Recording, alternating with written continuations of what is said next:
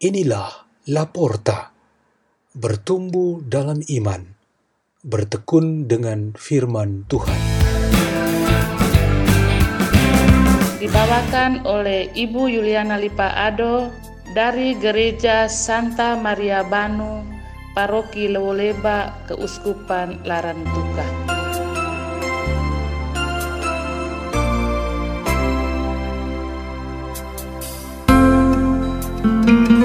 Bacaan dan Renungan Sabda Tuhan Hari Selasa Pekan Biasa ke-20 tanggal 17 Agustus 2021 Hari Raya Kemerdekaan Republik Indonesia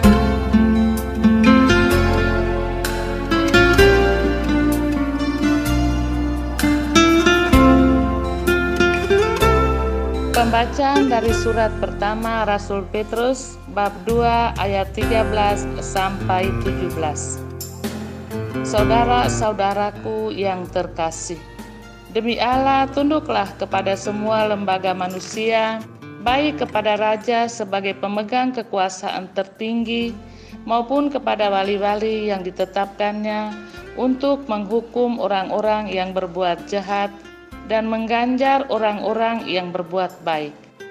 Sebab inilah kehendak Allah, yaitu supaya dengan berbuat baik kamu membungkamkan kepicikan orang-orang bodoh.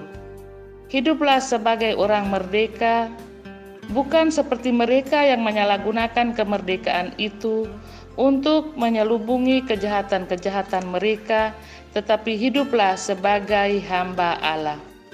Hormatilah semua orang, kasihanilah saudara-saudaramu, takutlah akan Allah, hormatilah Raja. Demikianlah sabda Tuhan.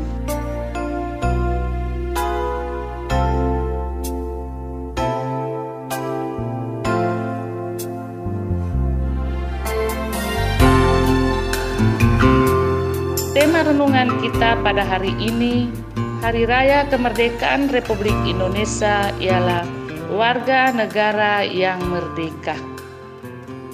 Mungkin sangat sedikit umat gereja Katolik lokal di dunia yang merayakan hari kemerdekaan negaranya secara liturgis. Dari yang sangat sedikit itu, perayaan liturgis hari kemerdekaan yang sangat dekat di hati orang-orang Indonesia ialah Hari Raya Kemerdekaan negara Republik Indonesia. Sebagai anggota Gereja Katolik, menjadikan hari kemerdekaan 17 Agustus sebagai hari raya liturgi pasti sangat bermakna.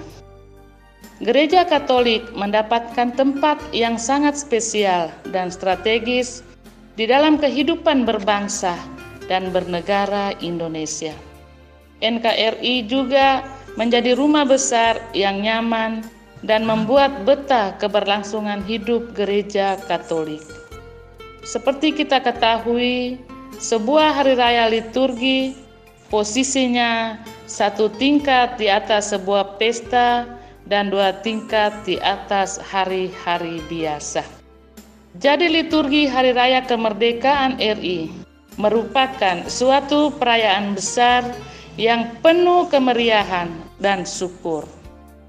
Dalam liturgi sabda, untuk misa kudus misalnya, tiga bacaan berisi sabda Tuhan mengenai peri kehidupan berbangsa dan bermasyarakat.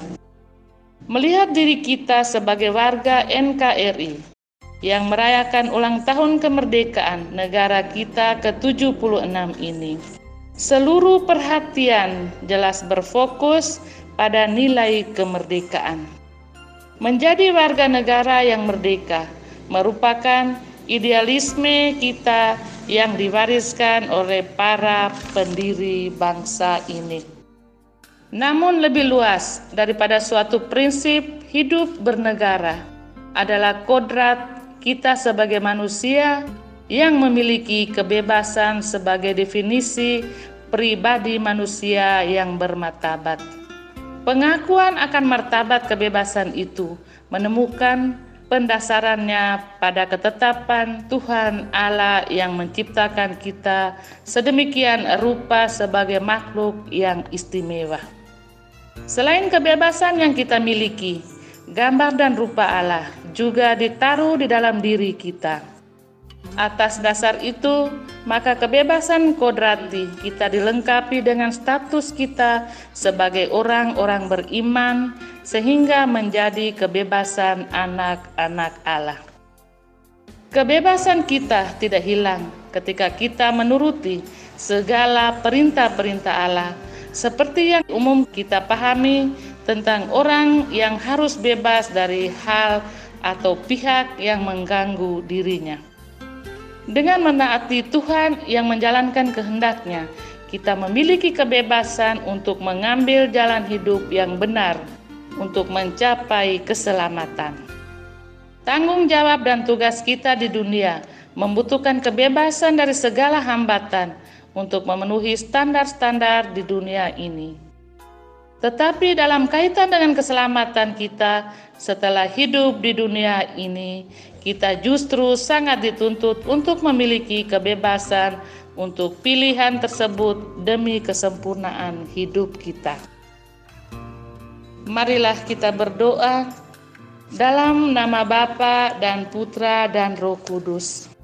Ya Allah, lindungilah dan kuatkanlah negara kami Indonesia demi suksesnya tujuan bangsa kami. Berkatilah para pemimpin negara ini dan semua pembantunya. Penuhilah mereka dengan kebijakanmu dan semangat pelayanan yang sehat dan adil. Bapa kami yang ada di surga, dimuliakanlah namamu, datanglah kerajaanmu, jadilah kehendakmu di atas bumi seperti di dalam surga. Berilah kami rejeki pada hari ini, dan ampunilah kesalahan kami, seperti kami pun mengampuni yang bersalah kepada kami. Dan janganlah masukkan kami ke dalam percobaan, tetapi bebas karena kami dari yang jahat. Amin. Dalam nama Bapa dan Putra dan Roh Kudus. Amin. La porta, la porta, la porta.